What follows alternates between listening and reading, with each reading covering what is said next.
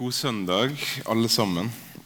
Eh, Denne veka så har vi hatt møteveke her i Misjonssalen med respons som tema. Vi snakka om hvordan vi responderer på tekster der Gud virker svær, der Gud virker vanskelig å forstå, der Gud ikke helt passer mitt gudsbilde. Hva skjer da?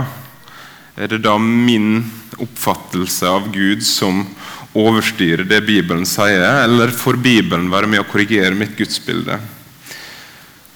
Og så fått høre om Jesu kall til oss, eh, at han inviterer til bryllup.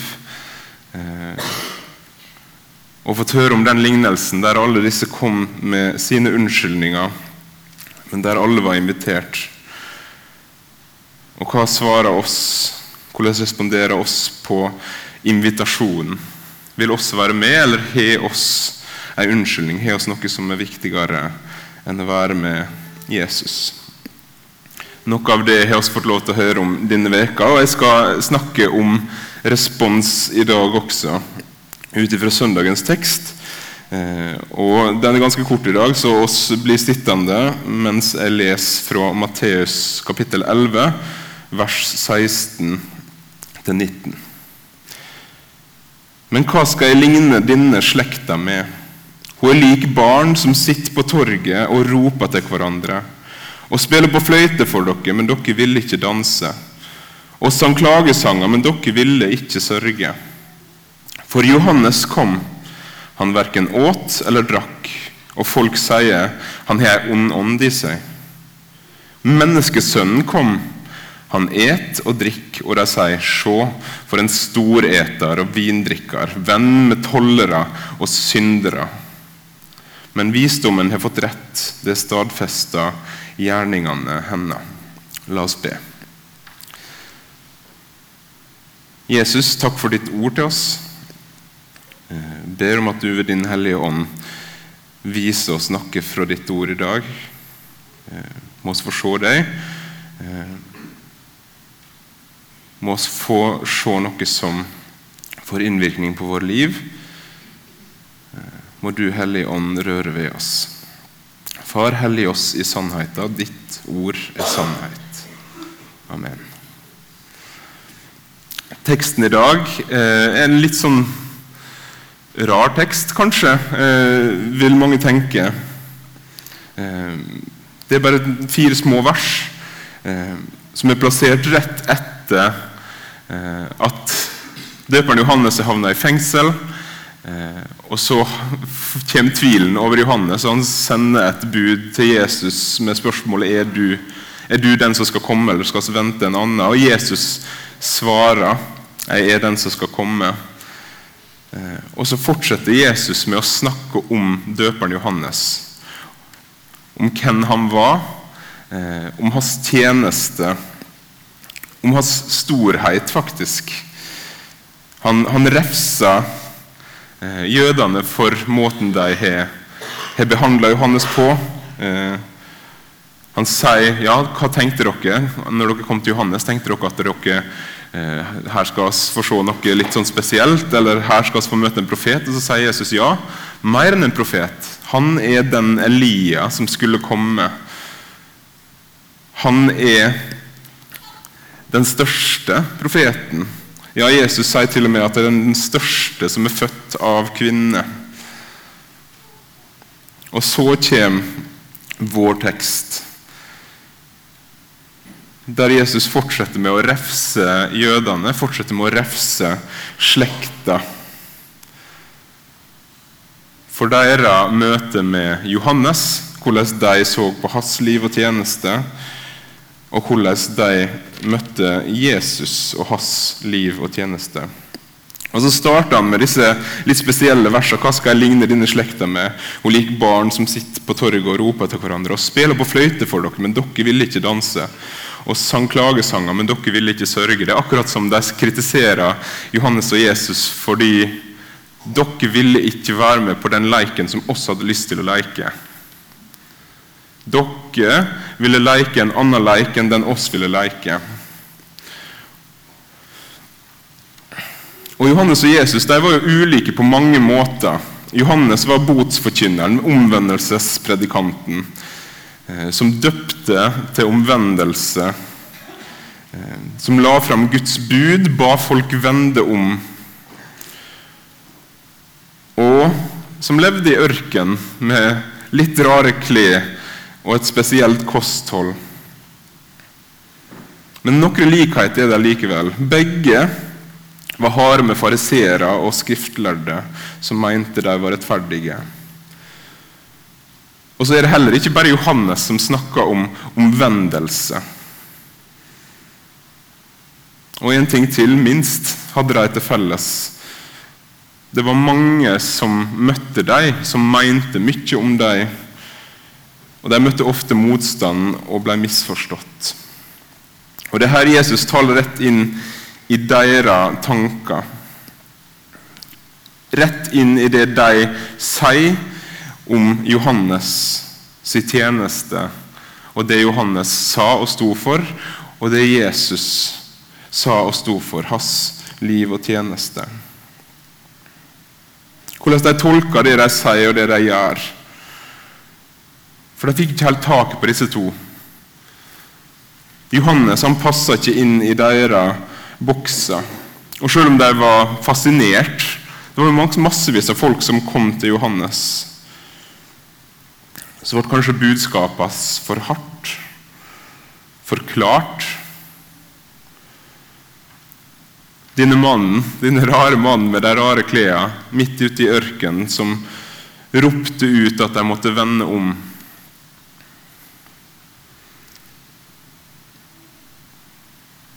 Og Kanskje var det sånn at budskapet ble sånn at det var enkelt å prøve å skylde på noe annet. Kanskje ble det så nærgående og ubehagelig at de måtte ha et eller annet å svare med. Han er besatt. Han har ond ånd i seg. Sånn, Da trenger ikke jeg å forholde meg til det han har sagt.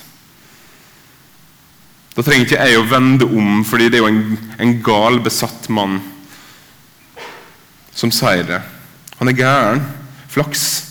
Flaks for meg, fordi hvis han ikke hadde vært det, hadde det vært ting i livet mitt jeg hadde måttet gjort noe med.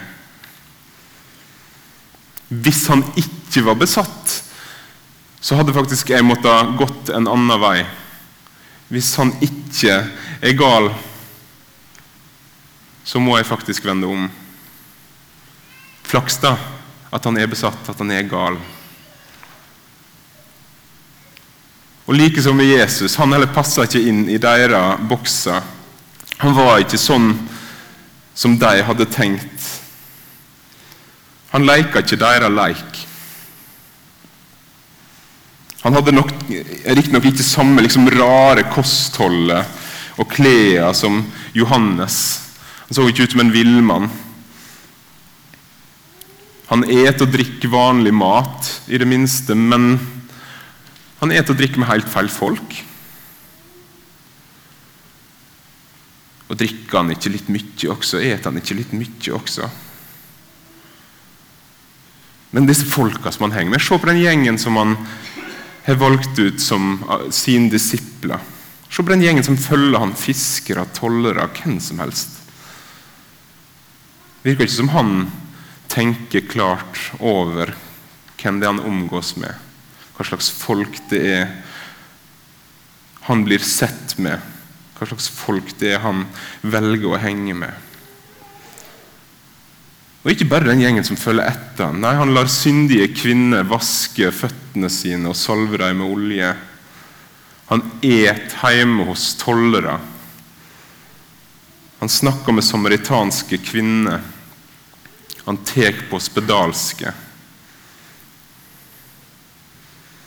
Nei, han her heller kan ikke være noen vits i å lytte til med tanke på hva folk han henger med. Med tanke på alle de tingene han gjør som utfordrer den tanken jeg har om hvordan fromhet skal se ut. Flaks. Flaks at det ikke er noen vits i å høre på han heller. For hvis han hadde vært verdt å lytte til, hadde jeg måttet gjort noe med måten jeg tenker om andre på noe med måten jeg er med andre. Snakker om andre. Flaks at det ikke er vits i å høre på han, fordi da kan jeg fortsette å dømme og se ned på de som jeg dømmer og ser ned på.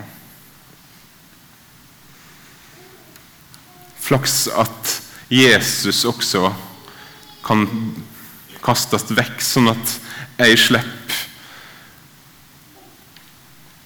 å ta opp mitt kors og følge etter han, eller gjøre disse tingene som han sier at jeg skal gjøre.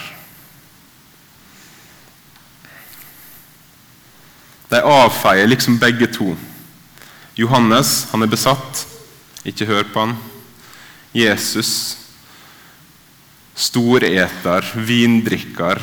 Og så kanskje det verste, da, eller sånn, det som er ment som en anklage. Venn med syndere og tollere. Så han er ikke vits i å høre på.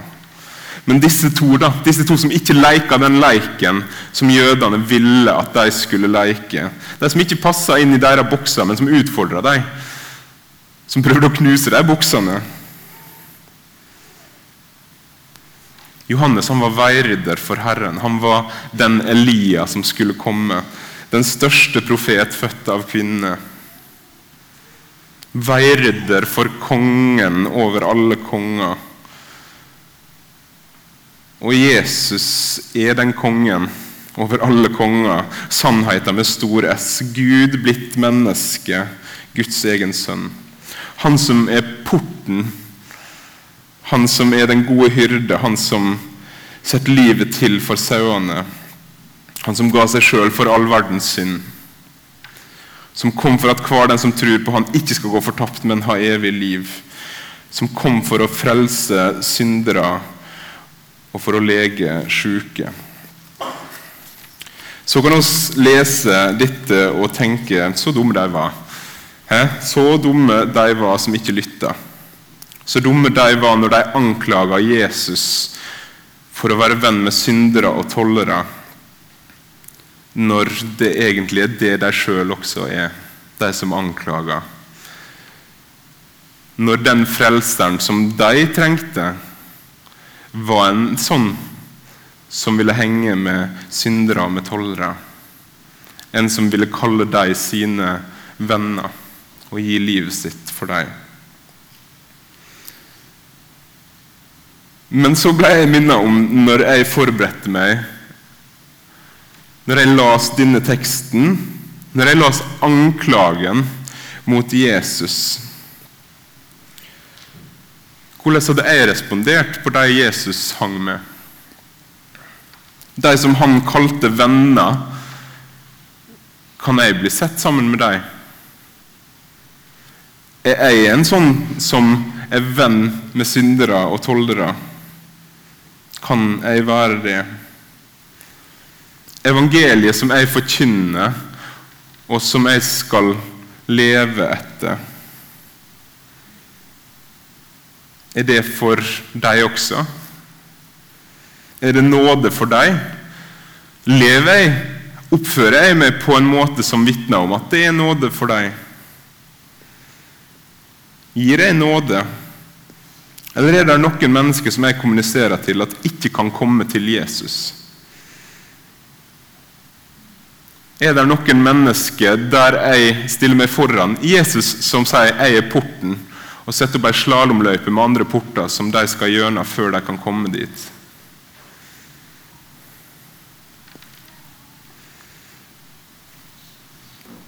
Lever jeg som om Jesus er nok? Lever jeg som om jeg er rettferdiggjort ved tru alene? Er jeg ifølge mitt liv en tilgitt og rettferdiggjort synder? Eller er jeg egentlig litt bedre enn det? Det har vært ganske ransakende når jeg har forberedt meg. Ehm, når jeg har lest denne anklagen som Jesus gjengir, venn med syndere og tollere, er jeg en sånn som er venn med syndere og tollere? Og hvis ikke, hvorfor da? Jeg er redd for at andre skal anklager meg sånn som de anklaga Jesus. Se på han. Han henger med de folka der. Kan umulig være bra. Eller er det fordi jeg tenker at jeg egentlig er bedre? At jeg egentlig tenker at jeg fortjener litt det Jesus gjorde for meg? At jeg tenker at ja, det var vel noe, noe i meg som trengte at Jesus døde, men først og fremst er Jesus litt heldig egentlig som har en sånn som meg på laget. Og som derfor ser ned på andre mennesker. Innser jeg ikke at jeg i møte med Gud var like hjelpeløs som lille Hedda, som ble båret fram til han her tidligere i gudstjenesten. Jeg er blitt så sjølhjelpt at jeg egentlig ikke har bruk for nåden og dermed ikke gir den til andre. Jeg har blitt litt stolt, sånn at jeg kan stå over andre og peke ned. Eller enda verre si stopp når de er på vei inn.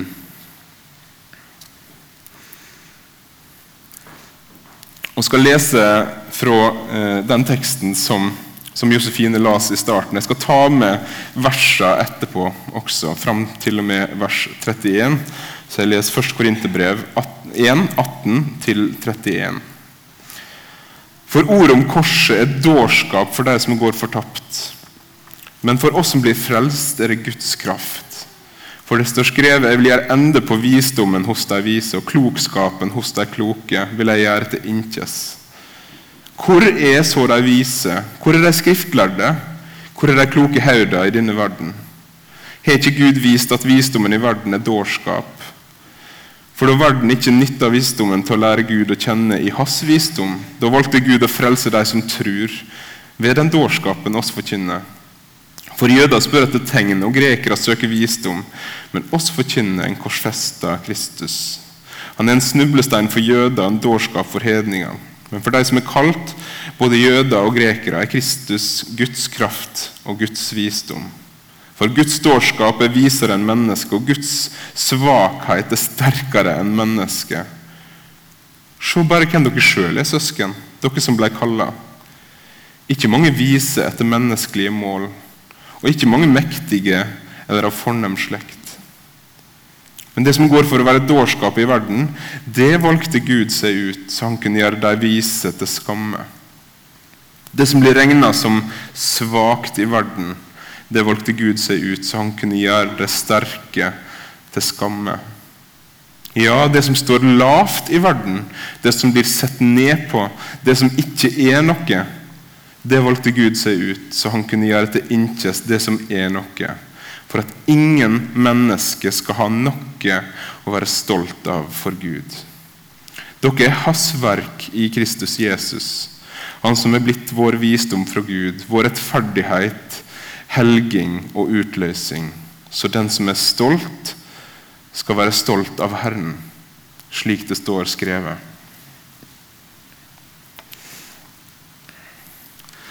Paulus som skriver dette,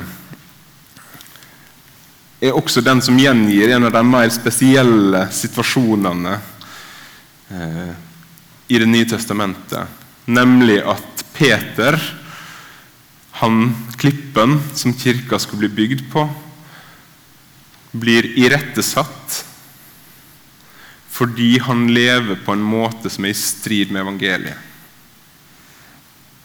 Peter er på besøk i en menighet som Paulus har vært med og planta, som består stort sett av hedningkristne.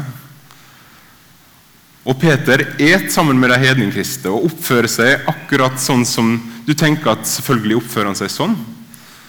Fordi det er jo ikke jøde og greker. Det er ikke, det er ikke noen sånne skillelinjer lenger med Jesus. Men så kommer det noen jøder noen jødekristne fra Jerusalem på besøk til menigheten. Og Peter, Det står ikke noe om at Peter sier noe, at hans forkynnelse endrer seg. Men plutselig så et han ikke lenger sammen med de hedningkristne. Han et lag med de jødekristne og trekker seg litt unna. Og Det er jo da en kan tenke at eh, at Paulus bare kunne tenkt det var jo litt rart, men, men ok. Men nei. Paulus han går bort til I, i, foran alle, står det, eller i mange vitner sitt nærvær, så går Paulus og så sier han til Peter du lev som om Jesus ikke er nok. Måten du er på med de hedningkristne nå, forkynner et annet evangelium enn det evangelium som gir frelse. Du må vende om, Peter. Du må endre måten du er på, fordi sånn som du gjør nå, så vitner du for disse hedningkristne at de ikke er rettferdiggjort av tro alene. Ja, Jesus er nesten nok, men ikke helt. Og sånn kan vi ikke ha det, Peter. Du må vende om. Nokså tøft gjort. Særlig av en som på en måte i brevene sine stadig vekk må forsvare at han er apostel. Og gå til på en måte den største blant apostlene og si 'vend om', fordi du lever i strid med Jesu evangelium. Det gjorde han med Peter. Fordi Peter levde som om Jesu venner ikke var hans sine venner. Og Da er spørsmålet til meg og til oss som jeg har fått eh, i forbindelse med denne teksten Er Jesu venner våre venner? For Jesus preger livet vårt på en sånn måte at oss er venn med syndere og tollere. Eller er oss egentlig litt for gode for det? Og i så fall, hva forteller det oss om oss? Trenger oss Jesus? Og hvis ikke, be om å få se synda i livet ditt. Og ikke synd som et sånt forkynnerteknisk begrep. som Nå snakker taleren om, om, Guds lov, og det er bra, fordi da kommer han snart til korset, og så kan jeg være fornøyd og gå hjem. Nei, som om synd som Bibelen vitner om, er et reelt problem i livet ditt. Noe som Paulus sier du skal drepe. Noe som Hebrebrevet sin forfatter sier at du skal ta opp kampen mot på en sånn måte at det kan koste blod. Fordi da da tror jeg at vi skjønner her kommer jeg til kort. Dette greier ikke jeg alene. Her har jeg behov for en frelser. Jesus, jeg trenger deg, fordi dette fikser ikke jeg. Jeg får det ikke til. Kunne nåden til Jesus kanskje bli ny for oss, og på den måten også bli lettere for oss å gi til andre? Fordi vi ikke hever oss over dem og tenker jeg har 30 års fartstid i NLM. Og her kommer det en sånn Han her har ikke alt på stell, for å si det sånn. Tenk om jeg heller kunne si åh, jeg har så lyst til å vise deg Jeg har så lyst til å vise deg Jesus. Du er ikke alt på stell, men Jesus vil ha med deg gjøre. Jeg er ikke alt på stell, men Jesus han vil ha med meg gjøre. Og så kan han si til deg, synderne og tollerne, at Jesus han elsker deg og ga seg sjøl for deg akkurat sånn som du er. Og så vil ikke han forlate deg sånn som du er, men la meg hjelpe deg La meg vise deg Han, sånn at Han kan begynne å jobbe i deg. Sånn at Han får frelst deg, og du får kjenne den friheten som Han har å gi.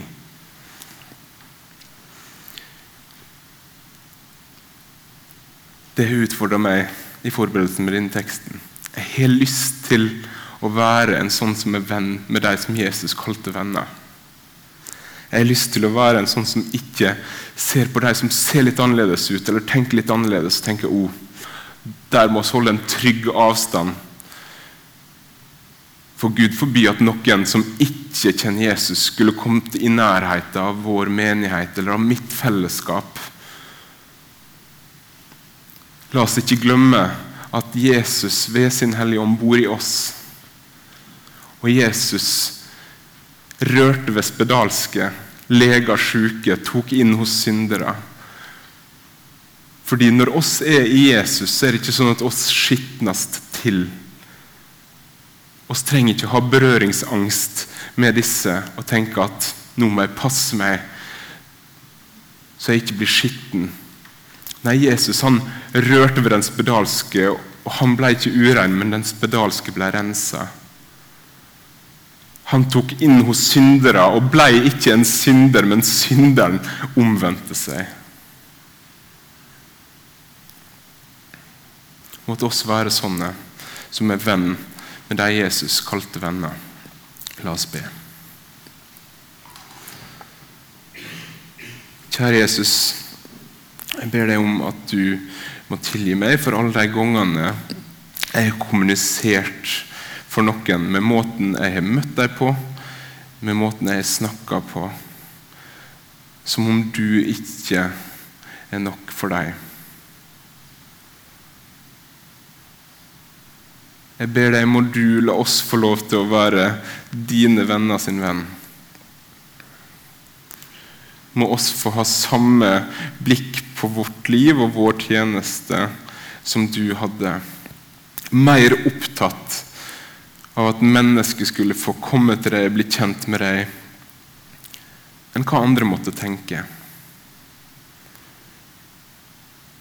Ber om at oss må få lov til å være et fellesskap og en menighet der vi ikke har berøringsangst med de som er utafor, men der vi tar imot dem med varme og omtanke. Der vi kan veilede, men der vi først og fremst vil veilede dem til deg. Du som ga deg sjøl for oss. Når oss blir stolte av oss sjøl, av alt det oss får til. Når oss blåser oss opp, vis oss at oss trenger deg, Jesus. Vis oss din nåde på nytt, sånn at oss kan vise den for andre. Må oss få lov til å leve liv som vitner om din overstrømmende nåde, og hvor nok det som du gjorde for oss, var. I ditt navn. Amen.